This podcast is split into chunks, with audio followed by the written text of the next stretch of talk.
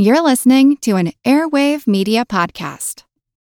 Hello, it is Ryan, and we could all use an extra bright spot in our day, couldn't we? Just to make up for things like sitting in traffic, doing the dishes, counting your steps, you know, all the mundane stuff. That is why I'm such a big fan of Chumba Casino. Chumba Casino has all your favorite social casino style games that you can play for free anytime, anywhere with daily bonuses. That should brighten your day a little. Actually, a lot. So sign up now at chumbacasino.com. That's chumbacasino.com. No purchase necessary. VGW Group. Void were prohibited by law. See terms and conditions. 18 plus. As a longtime foreign correspondent, I've worked in lots of places, but nowhere as important to the world as China. I'm Jane Perlez, former Beijing bureau chief for the New York Times. Join me on my new podcast, Face Off: US versus China, where I'll take you behind the scenes in the tumultuous US-China relationship. Find Face Off wherever you get your podcasts. This is Kick Ass News. I'm Ben Mathis.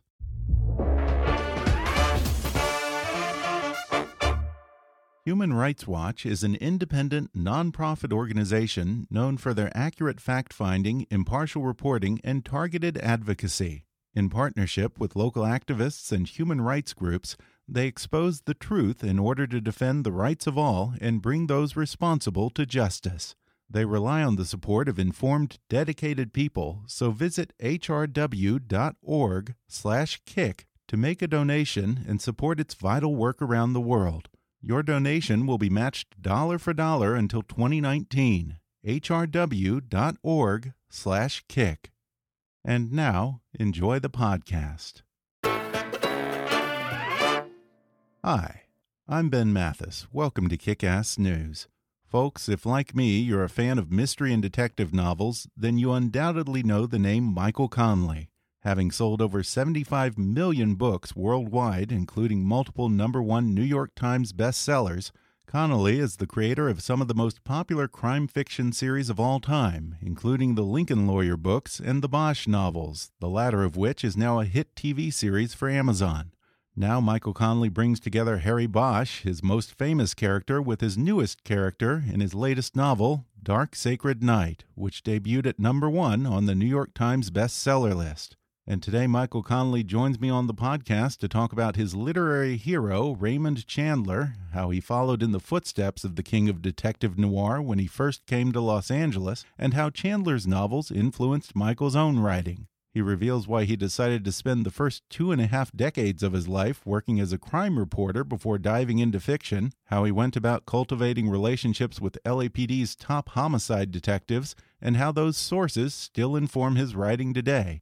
He talks about how some of those real life cops inspired his most famous character, Harry Bosch, why he wanted his detective to be an outsider who works within the system, and how he came to name him after the 15th century Dutch painter Hieronymus Bosch.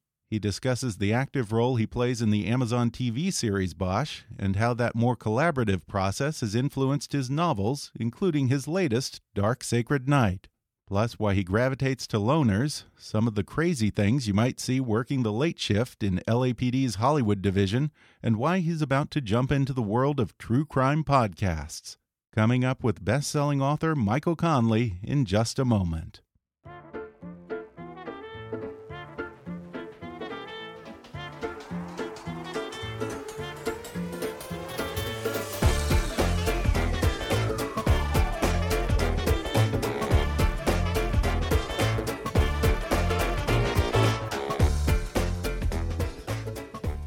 Michael Connelly is the author of 31 previous novels, including the New York Times number one bestsellers Two Kinds of Truth, The Late Show, and The Wrong Side of Goodbye.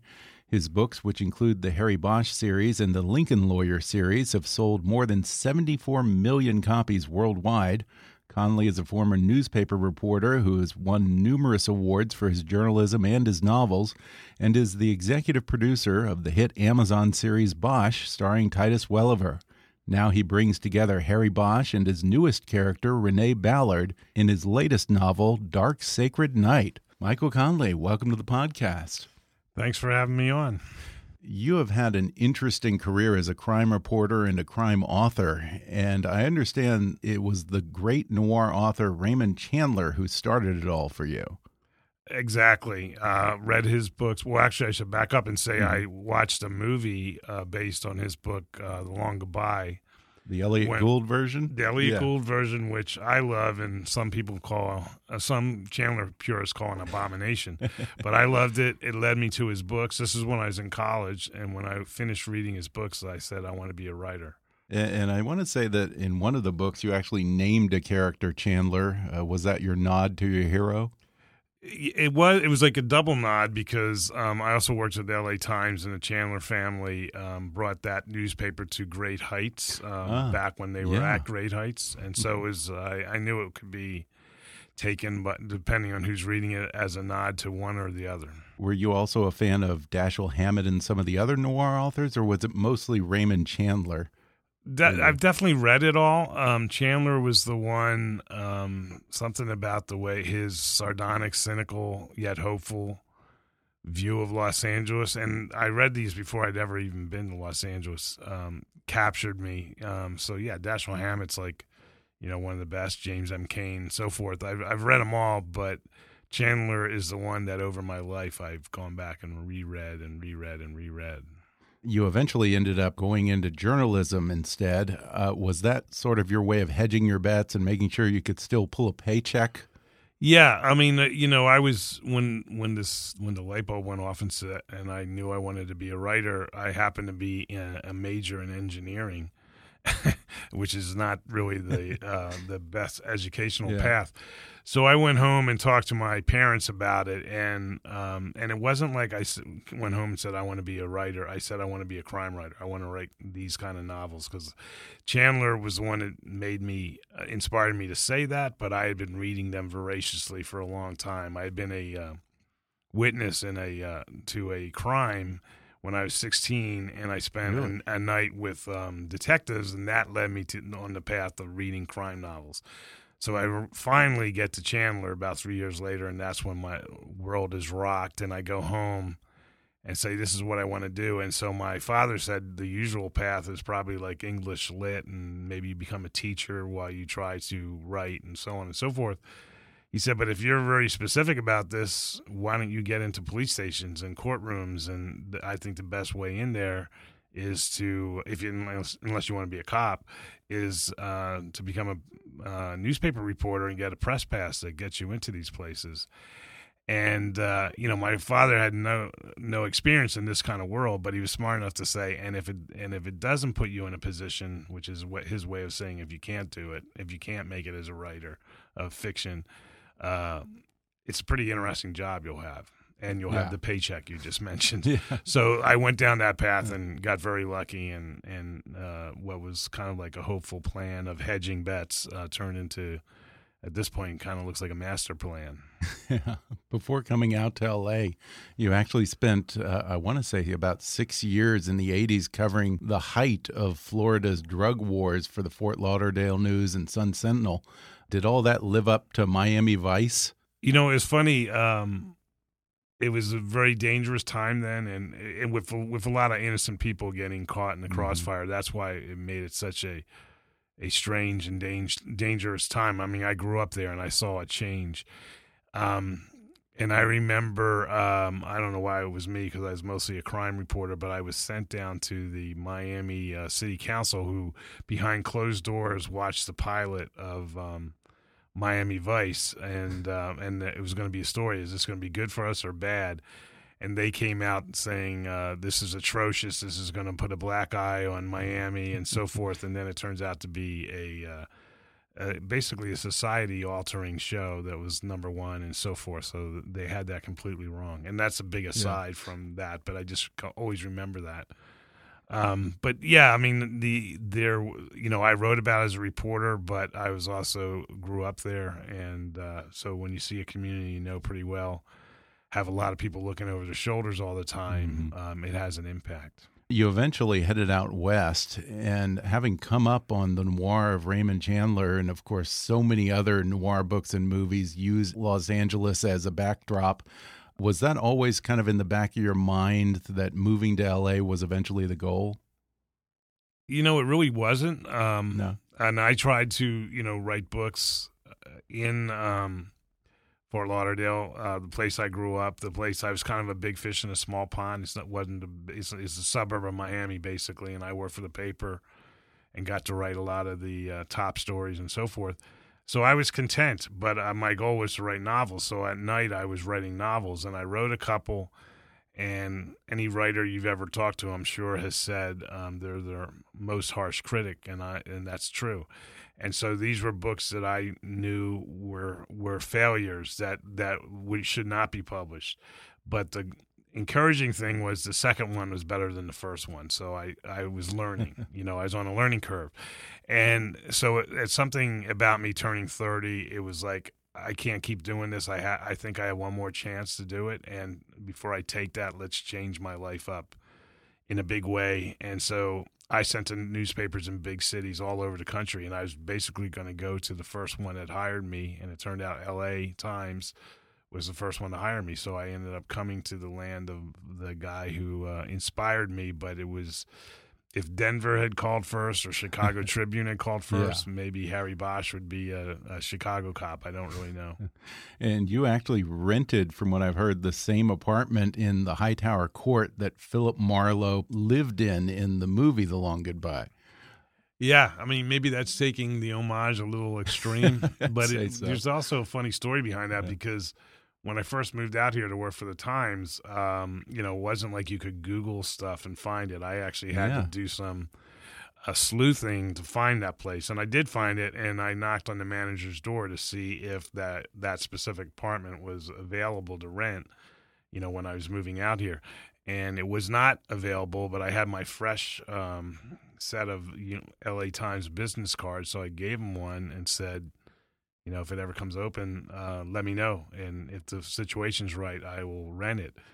And he actually kept that card for like something like eight years, and Really? call, called it. And um, I was long gone from the LA Times, and I was just writing my books at that point. But the person who had that phone number at the Times knew me and connected me, so that I rented it because I was in this stage of my life where I was going back and forth between Florida uh, because I had a, was making building a family and I wanted my daughter to know her grandparents and so forth that were all there. So I needed a place in LA. So I did end up having it for about five years. What was it like immersing yourself in the world of your hero? Um, I well, I did. I can say I wrote a couple books there, um, but it didn't have air conditioning, so um, it had a it had a you know a wall unit air conditioning in the bedroom. So the only place that in the summer that I would be would be in the bedroom. So it was it was more of a romantic thing than a practical thing. And the parking around there, it's right by the Hollywood Bowl, is terrible, especially if there's uh, an event at the bowl. Did you find yourself kind of seeking out the famous locations from Chandler's novels?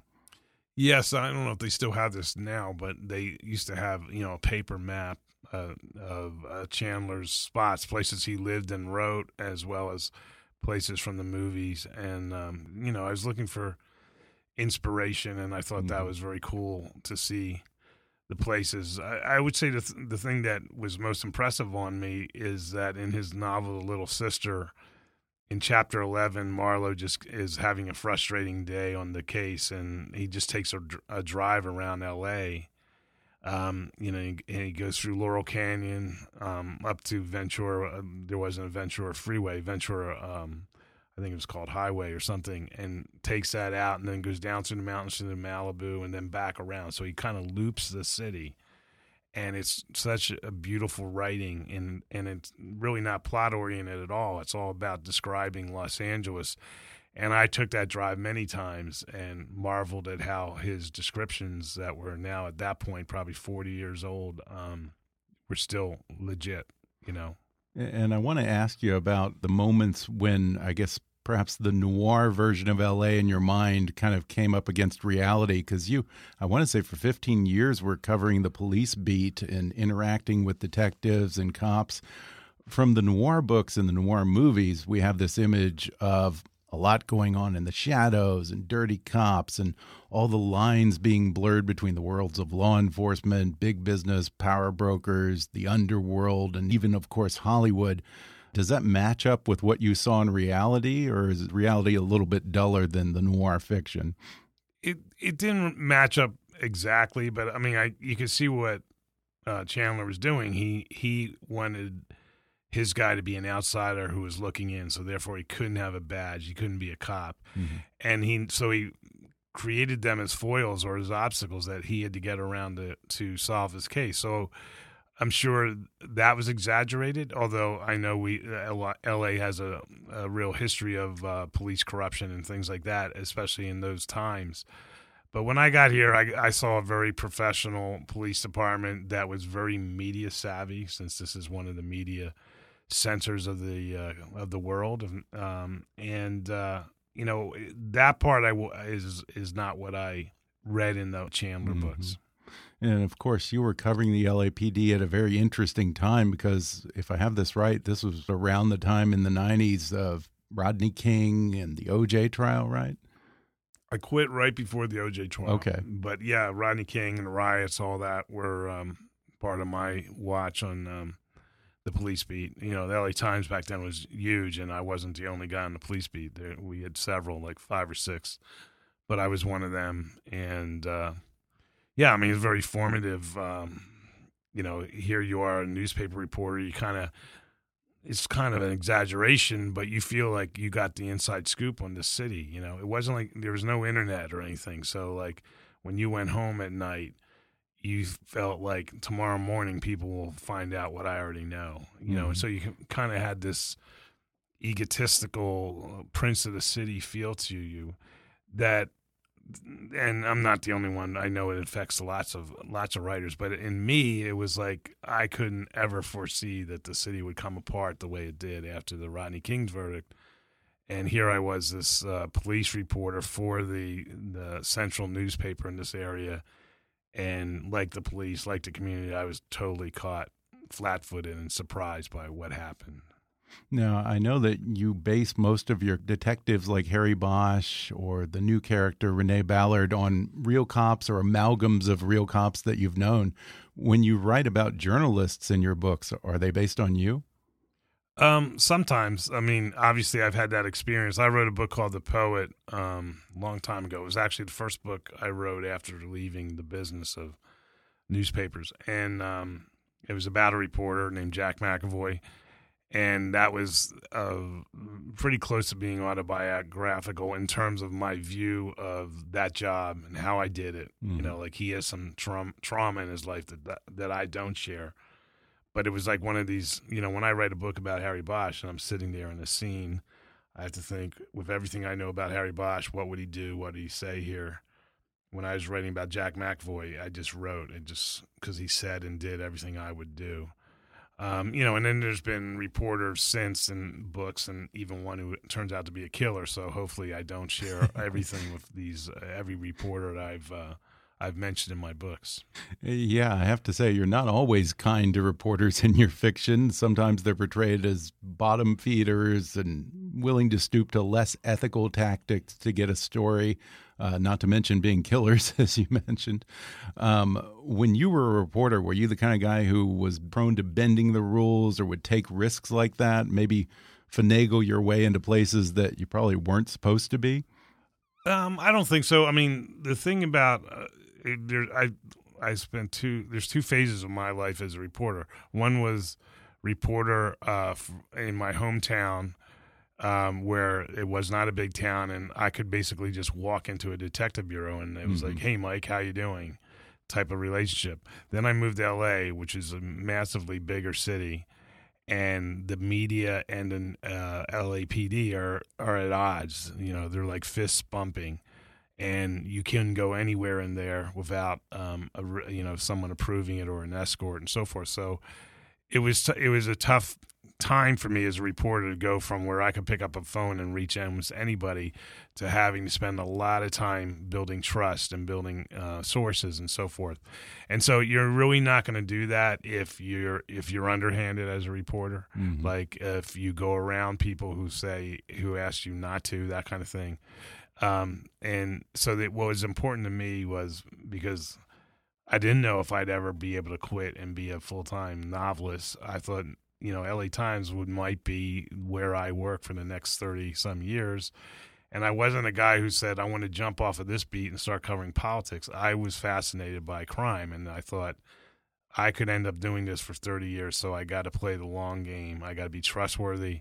Um, I got to write stories that are extremely accurate. And you know, in my time at um, LA Times, I never re- had to write one correction, and and I think over time I built sources and and became a um, a pretty credible reporter. But it it t- does take a while.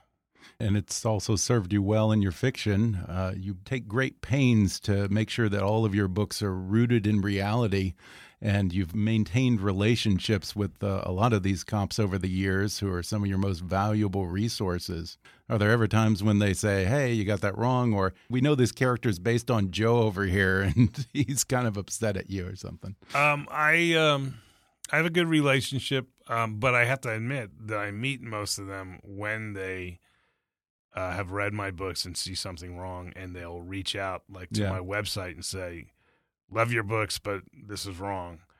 And then I have their email, and then I respond to them, and then the next thing you know, we're having breakfast at the Pacific Dining Car or something like that, and then because I'm not a newspaper reporter anymore, so uh, the how I get sources is a little different. Um, and so that's how it starts, and then eventually it becomes a pretty strong friendship. I would Mhm. say my best friends in Los Angeles are are um, the kind of people I write about, detectives, and uh, so it's obviously it serves me well. Um, I have this philosophy that Harry Bosch is not not real. Um, so so in order to connect him to readers, I want to plant his feet in the, the most real environment I can. So I try to get everything I can right about the the geography of Los Angeles, the places he goes, all that, um, the forensics, the procedure, the politics, the bureaucracy. I try to get all that right. So I'm still using my reportorial muscles, I guess you'd say, um, to write these books. So at, at the end of the day, what I want is that, yeah, Harry Bosch does not exist, but everything else in this book is legit, is real, you know? Yeah, and you really see that, especially with the TV series Bosch, because you get to use all of these great locations around LA. And one thing that I appreciate is that, unlike so many movies and TV shows, you're not just filming at the beach or in Hollywood or something like that. You get into all of the little bedroom communities on the exterior of LA and all the little neighborhoods that make up this crazy town. Yeah, I mean, it's the point of pride of the show to go where no man has gone before, kind of is a motto. Um, find new locations, and of course, we there's some that um, are universal and are in many shows, and and you have to use them. But yeah, we have a, an amazing locations team um, that brings us to stuff all the time that that has not been tapped by other filmmakers. Uh, the books are kind of a starting point. I try to do that in my books as well and um, that's one of the fun things about the show and i think it does deliver it helps deliver two things one shows la to the readers uh, viewers who have maybe never been here but it also shows the very important thing of bosch and his city the connection Mhm. between him and his city because you know the idea that bosch is los angeles and los angeles is bosch is a, an important part of what we're trying to do We're going to take a quick break, and then I'll be back with more with author Michael Connelly when we come back in just a minute.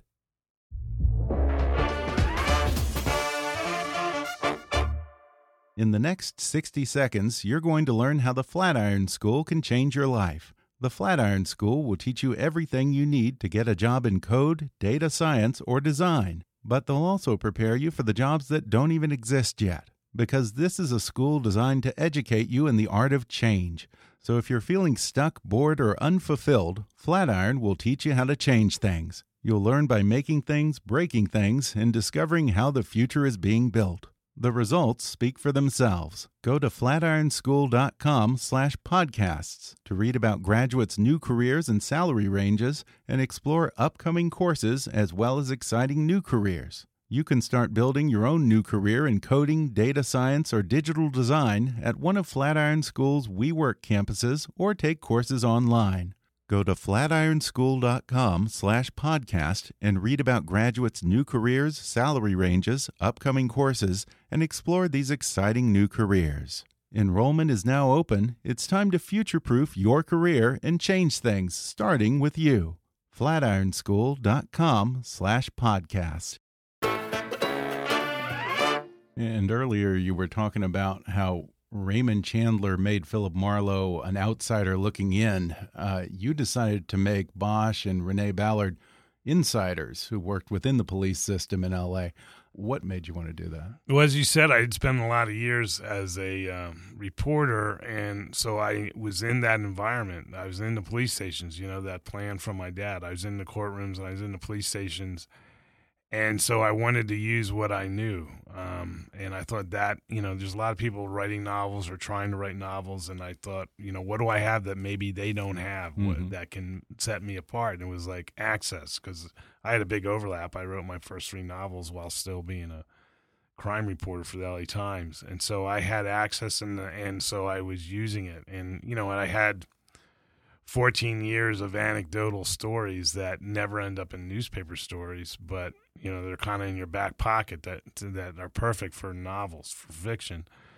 So I wanted to do that, but I but you know I am the disciple of Raymond Chandler, so I did my best to make these characters loners and outsiders and not feeling comfortable, even though they do carry a badge and carry a gun and are definitely the uh, the long arm of the law, the the representation of the power and might of the state. Um, but you can feel uncomfortable uh, if you're that, and and and so that's why I uh, I went that route. But I also tried to adhere to um, the the author who inspired me. You know, so I did stuff with Bosch like in the beginning. You know, like I made him a smoker because you have to go outside to smoke. I made him left-handed because it's a right-handed society.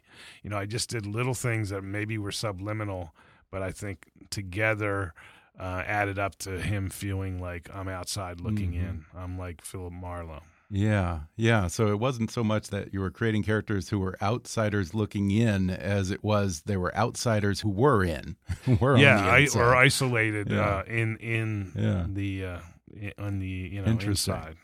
Uh, and I'm trying to remember. I don't know if you've ever explained this, but how did you end up naming your character Harry Bosch after Hieronymus Bosch, the Dutch painter of the 15th century? Well, I was, you know, um, Chandler inspired me, and when I went down that road, you know, at 19 to uh, wanting to be a writer, I, you know, I knew I wasn't going to suddenly write a crime novel when I was 22. I knew I had to experience the world, and you know, being a newspaper reporter was going to maybe make it happen a little faster. But you know, I spent my time voraciously reading crime novels and analyzing them, and you know, the bottom line is it's about character.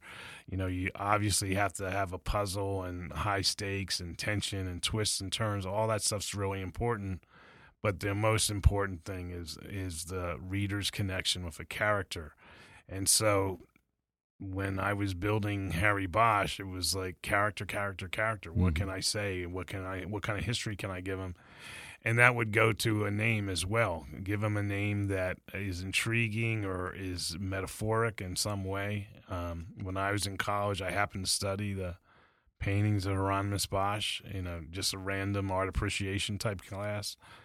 And the paintings stayed with me, and they're, um, you know, they're five centuries old, but they're about a world gone wrong. There's a lot of a, a religious allegory that is not related to the my Bosch, but but the paintings are about crime and punishment, a world gone wrong, um, and in that way they somewhat feel like crime scenes. Mm-hmm. And so I was thinking, this guy I'm going to write about is going to go to crime scenes. He's going to be a homicide detective, and he's going to know how to read a crime scene the way maybe someone knows how to read the symbolism in a painting. And it just kind of brought me back to that very strange painter that I studied in college, and you know I went with Hieronymus Bosch.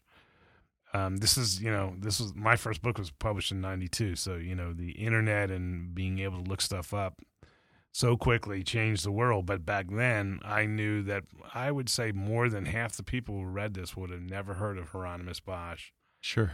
and they would uh, be intrigued because like that's a pretty strange name. Maybe if I Yeah. keep reading, I'll find out what it means. Yeah, and strange And- paintings too. Yeah, and then the, the people who knew Yeah. the the painter would also say the same thing. That Mhm. that guy's a pretty strange guy. Yeah. And now, five centuries later, there's a te- detective named after him. I just thought these things would all help me Mhm. establish the character and establish my first novel and so Mhm. forth. Uh, somewhere I read you said that you thought that plot was king, and eventually you realized that character is king. Certainly, if you want to create a successful series as you have, that's the case. But even with individual novels, why does character trump plot? Well, that th- that learning process was, um, you know, what I what I said. That the two books, remember, I said I wrote that didn't go anywhere. Those were plot oriented, and that was that was the big lesson I learned. I'm not connecting this character um, to a reader. Um, so, but the larger answer to your question is that you know you can turn a TV on at any time of the day, and now with streaming, like you can watch Bosch anytime you want. There's lots of shows on TV that show how cops do their work, for example. But TV and movies can't get inside people's heads. And uh, that's the dimension of books that is different and that sets it apart is in terms of storytelling and that I love. And when you get inside somebody's head and you're riding with them through a story where you're riding through, you're seeing the world through Harry Bosch's eyes, you, you know every word is delivering some character and and that's why that's what brings people back they like the way harry looks at the world they like the way he deals with the obstacles in front of him.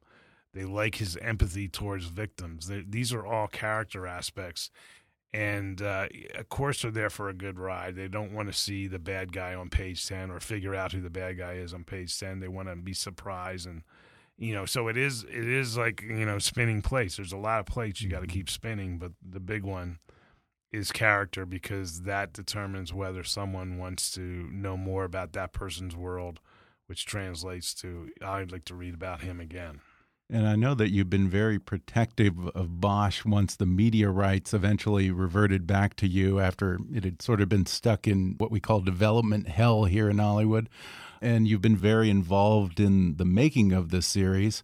I wonder what that experience has been like for you, and has the work of being an executive producer and being in the writer's room and writing episodes for television, have those influenced how you write your novels? Well, the experience has been great um, because I, I, you know, I don't want to. I'm not trying to be egotistical here, but um, I, uh, they didn't want to make it unless I came along with the character of Harry Mhm. Bosch, so I could kind of watch over stuff. So I've done that, and um, and I'm really proud of the show, and, and you know, and, and it's about people. It's like who you put together on both sides of the camera. You know, we we write each season for five months before any. You know, it's six writers in a room and nobody else is involved. No, nobody, no producers or uh, actors or anything, and that's where it all comes together or doesn't. And I've been, we've been lucky that for five seasons, um, and now they just announced we get a sixth. The writing room has come through in a big way, and I'm glad to be a part of that. Um, and the really cool thing is that uh, to get really to your the last part of your question is it has really I think um, informed my writing of books in a in a very positive way, and I think um, the two things that I can point to is that in in script writing, dialogue is king. You know, you're not Mhm. inside anybody's head. Right. So you deliver character by what they do and what they say. And so character so I think my dialogue skills have improved in my books because I've had to improve them when I write scripts. Oh, interesting. And then the other thing is for years and years and years the books were all completely through the eyes of Harry Bosch, which is fun and which is great, but when it comes to making a TV show, Harry Bosch can't be in every scene. Uh, Right. you have, so the the people that were veteran um, TV people who were brought in on this, and I'm Mister, you know, naive uh, rookie. said we have to spread the story out and we have to give lives to some of the ancillary characters and you know we're all professionals and no one holds back you know and and you know being a journalist before I was a novelist you know I have a pretty tough skin I I've taken good reviews and bad reviews the same way and it, it was made clear to me that those these ancillary characters that we have to give deeper lives to weren't very deep in my books and that was a lesson I learned, and I think I've now made adjustments in my writing of books where um, you know every character counts. It's not eh, you know Harry Bosch. The books are about Harry Bosch or Renee Ballard, but I got to really give lives to the other people around, and so therefore I think it's helped. And I've also written books since the show that have split narratives, so I'm obviously doing what we do on the show, spreading the uh, the the the load of carrying the story out between um, characters, and so I, I can see a lot of um, you know um, influences from the TV show on mm-hmm. the books. And I know in the last season, that was the first season that you didn't actually write any episodes. And I hope you won't take this the wrong way, but I don't think that it suffered one bit for that. Was it hard to relinquish that power? Uh, no, it wasn't because I I know the um it's this is like a the shorthand doesn't sound right, but it's kind of a machine, and and it's a machine I trust. Um, we have very little turnover in our writing room and in our crew and in our actors and everything. So the further along we go, the more we're united as a family.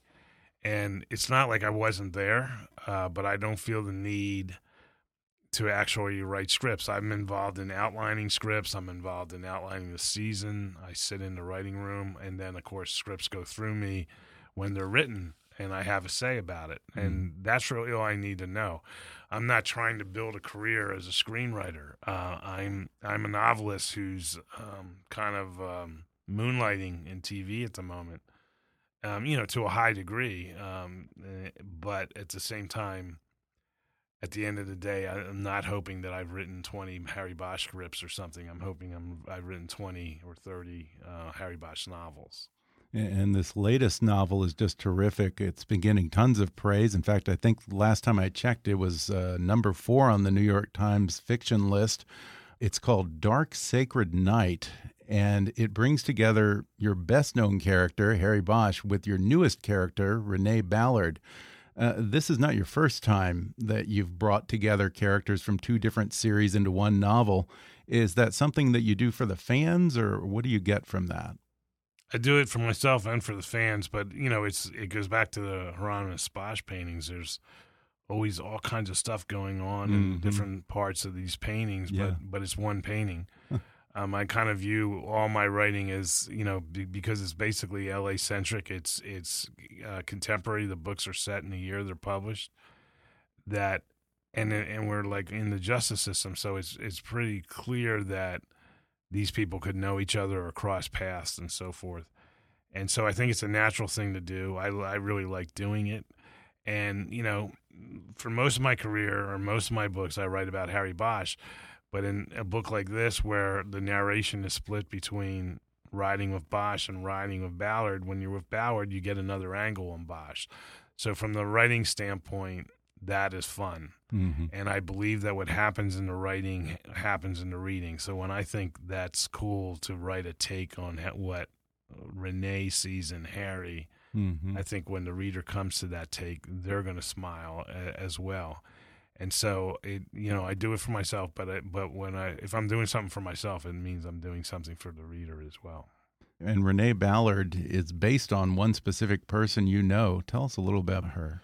Well, that's the big difference. Harry Bosch has come from you know my many years as a police reporter and knowing lots of detectives, and so and then also the influences of books and TV. You know, Philip Marlowe, um, so on and so forth.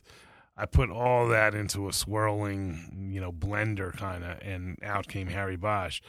Renee Ballard is completely different. Um, one of the, the, detectives I know and who has helped me with my Bosch books and is a consultant on the Bosch show is a woman named Mitzi Roberts. And um, in the course of knowing her over the last six or seven years, she told me about how early in her career, before she was a homicide detective, she worked the midnight shift, the late show, as they call it and um, and you know, kind of anecdotally told me really interesting stories.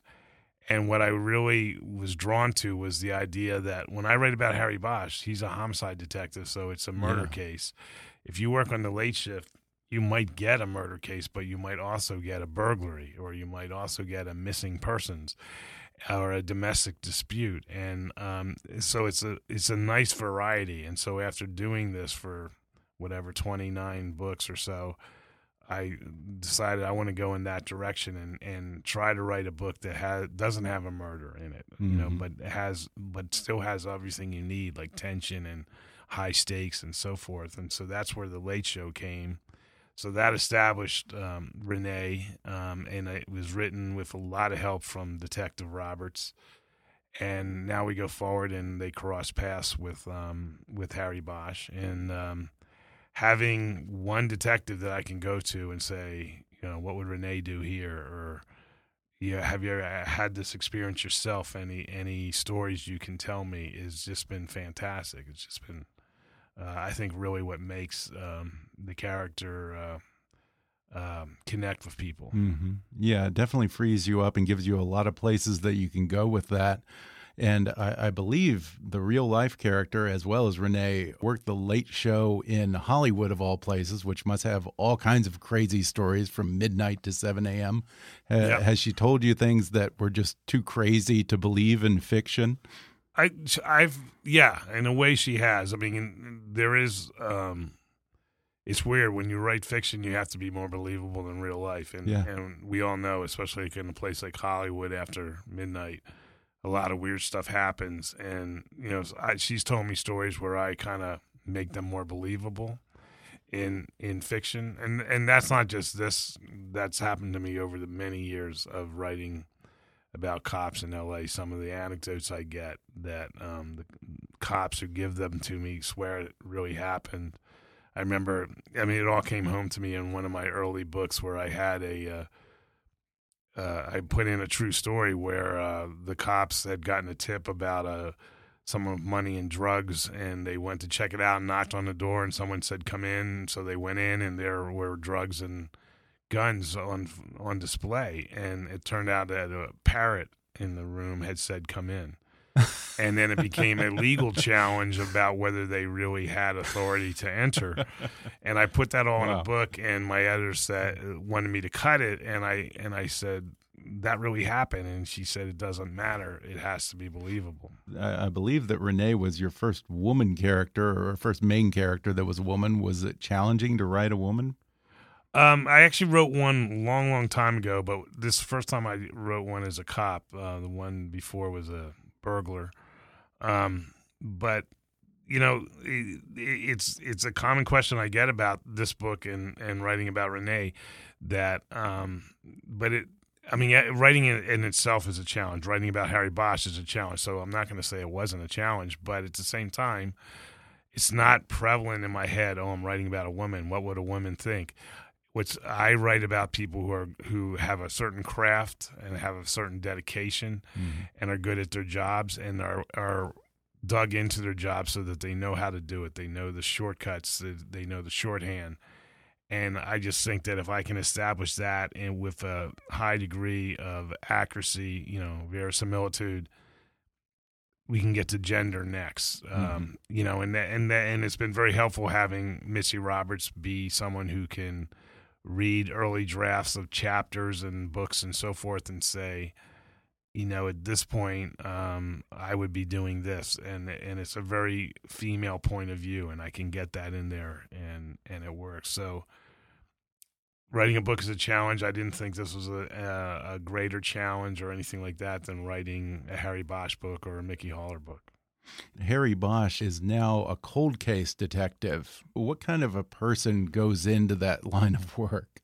Somebody like Harry Bosch. Yeah, okay. you know it's you know Yeah. what that comes out of is um, the big thing that was difficult for me when I left journalism and went into um, crime writing, crime novel writing, was the leaving of reality. Um, you know, the clearance rate in L.A. runs around seventy five percent on murders, so that means one out of every four people who kills someone gets away with it.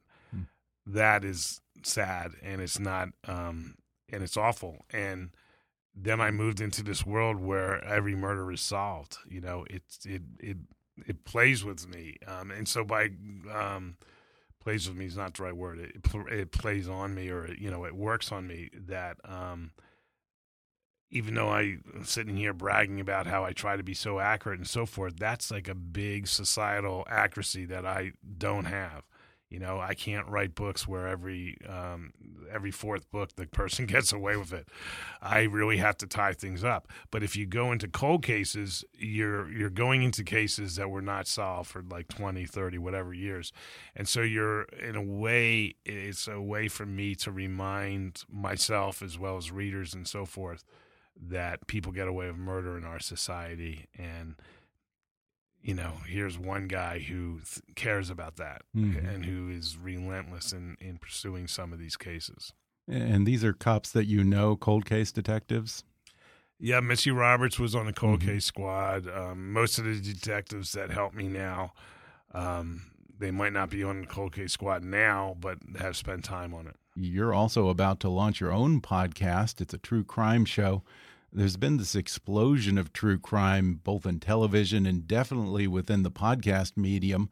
Uh, have you been wanting to dip your toe back into true crime for a while now? A little bit. I mean, I listen to a lot of podcasts and have enjoyed them. And, you know, a couple things have happened. One is I've been the beneficiary of amazing consultations, anecdotal stories, and so forth from real detectives. And, mm -hmm I have found universally they tell they're great storytellers in themselves.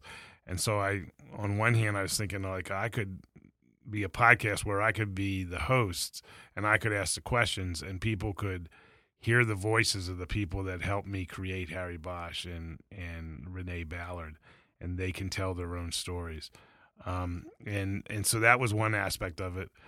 One aspect is what's going on in the country now, where where reporters are in, from some segments of society and politicians are called enemies of the people, and that would I guess that would include me because that was my career for a long time, and that that has kind of fired up my reporting genes, I guess you would say. Hmm. And and I'm not in a position where I can just go back to the new a newspaper and start writing story crime stories. So I think you know, um, the podcast is a new, is a new form of media um, that's burgeoning and being more and more important to people. And so that was the other aspect I, that made me kind of stop thinking about it and doing it.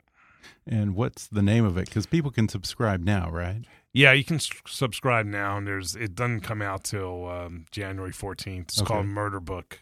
Murder Book. And Murder Book, eh, that's a reference to um, at least with the LAPD and the local uh, LA County sheriffs. I don't, I can't say this is police universal, but when they uh, investigate a murder, they uh, put all their documentation, their photos, their uh, transcripts, and so forth into a, a, binder that they call the murder book, and they ca- their their log. Uh, they all keep you know a chronological record of the mm-hmm. investigation which is a major tool in the in the case, that's always front and center in a murder book, and so that's why um, I call I called it that. And uh, what we're trying to do is it's going to be a ten episode season, all about one case that spanned thirty years in Los Angeles, um, with. Um, uh, it involves uh, three detectives that are I'm pretty close to and have helped me with my books for a long time, and and they carry the case at different times and made um, significant um,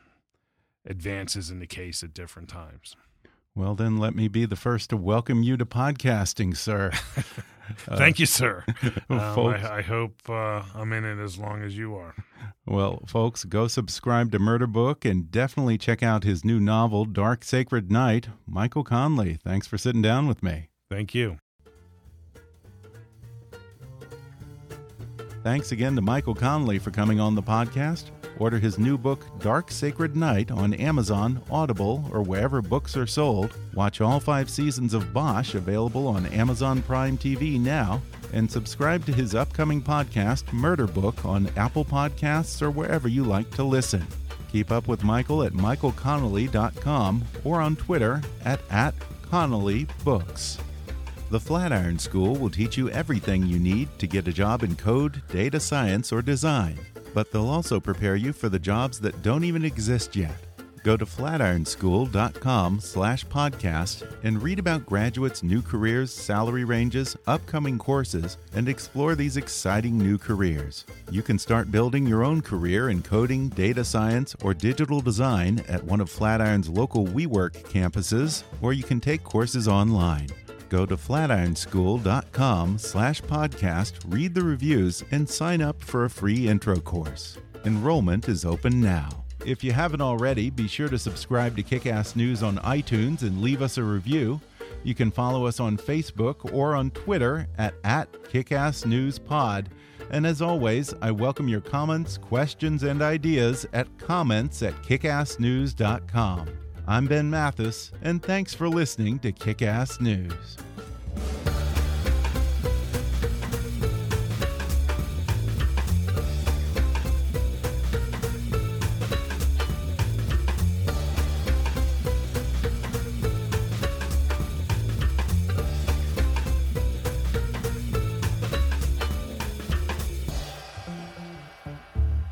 Kickass News is a trademark of Mathis Entertainment, Inc.